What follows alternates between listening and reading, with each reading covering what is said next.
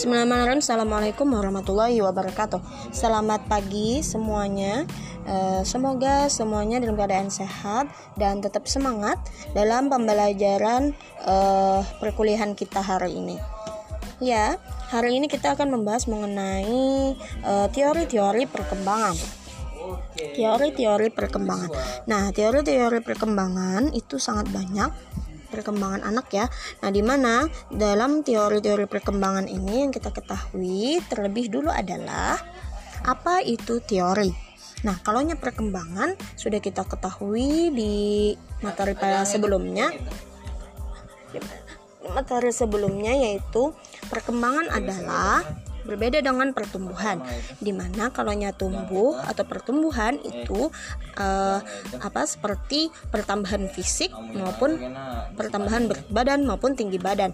Kalau perkembangan itu adalah adanya perubahan secara psikis dan mental yang mana tidak dapat diukur. Contohnya seperti merangkak ketika sudah bisa merangkak kemudian dia berproses atau berubah menjadi bisa berjalan. Itu yang dinamakan perkembangan. Nah adapun teori teori perkembangan di sini kita harus tahu dulu apa itu teori.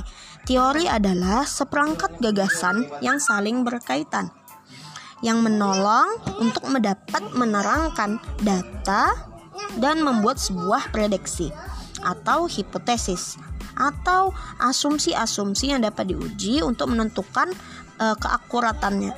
Itu yang dinamakan teori. Jadi seperangkat gagasan yang saling berkaitan mengenai data yang akan diukur. Itu yang dinamakan teori.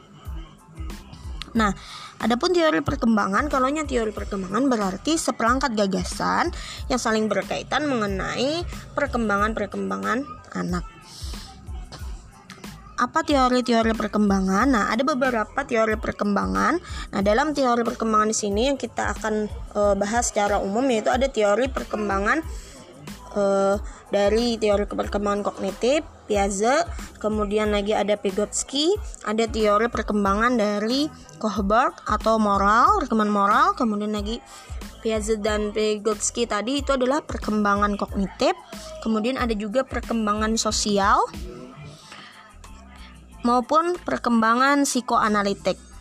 Nah, di sini dari perkembangan psikoanalitik dulu atau psikoanalisis, psikoanalisis atau psikoanalitis itu e, merupakan teori yang dikembangkan atau dibangun oleh Fritz dan juga Erikson.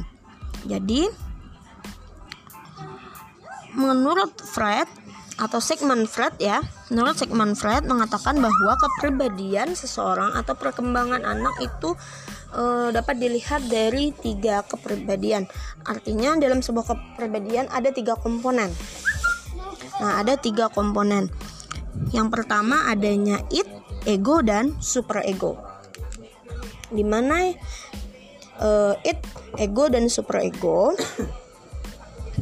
itu saling berkaitan satu dengan yang lainnya.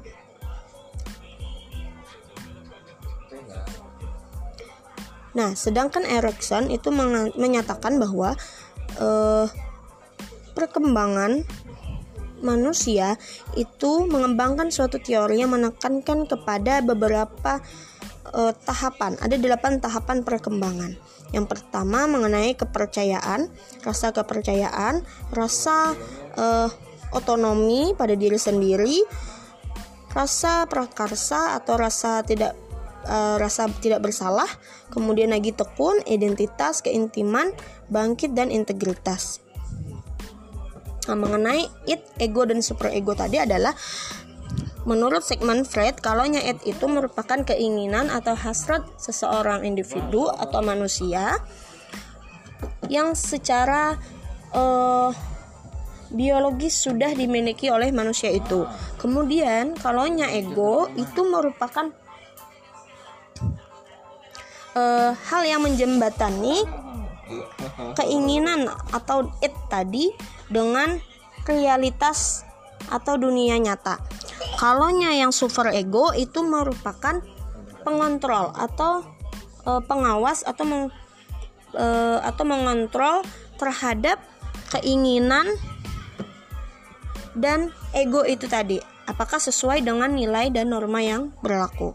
Contoh, ketika it atau keinginan e, seorang anak ingin bermain terus-terusan kemudian orang tuanya menyuruh untuk mandi tapi dia tidak mau. Nah, itu merupakan egonya sudah um, mulai muncul. Di mana ego itu adalah menjembatani antara uh, si anak ini tadi keinginan anak untuk tetap bermain dengan bagaimana caranya kita mengajak anak untuk bisa mandi. Nah, kita bisa memberikan alasan bahwa oh, ini kalau kamu tidak mau mandi, nanti badanmu akan terasa gatal dan akan bau. Nanti temanmu tidak kurang akan senang kalaunya tidak bersih. Nah, itu merupakan super ego yang mengeta, apa yang mengarahkan atau mengontrol sikap anak agar keinginannya itu bisa e, terpenuhi dan sesuai dengan kenyataan realitas di e, yang di dunia nyata yang ada. Artinya, ketika keinginan dengan ego itu bersama berkesinambungan, maka superego itu akan berhasil dan harus disesuaikan dengan nilai dan moral. Kemudian lagi itu untuk it dan ego tadi. Nah, ada juga teori Piaget. Nah, teori Piaget atau kognitif di mana teori kognitif yang penting adalah teori Piaget dan teori pemrosesan informasi. Jadi ada teori pemrosesan informasi. Nah, menurut Piaget bahwa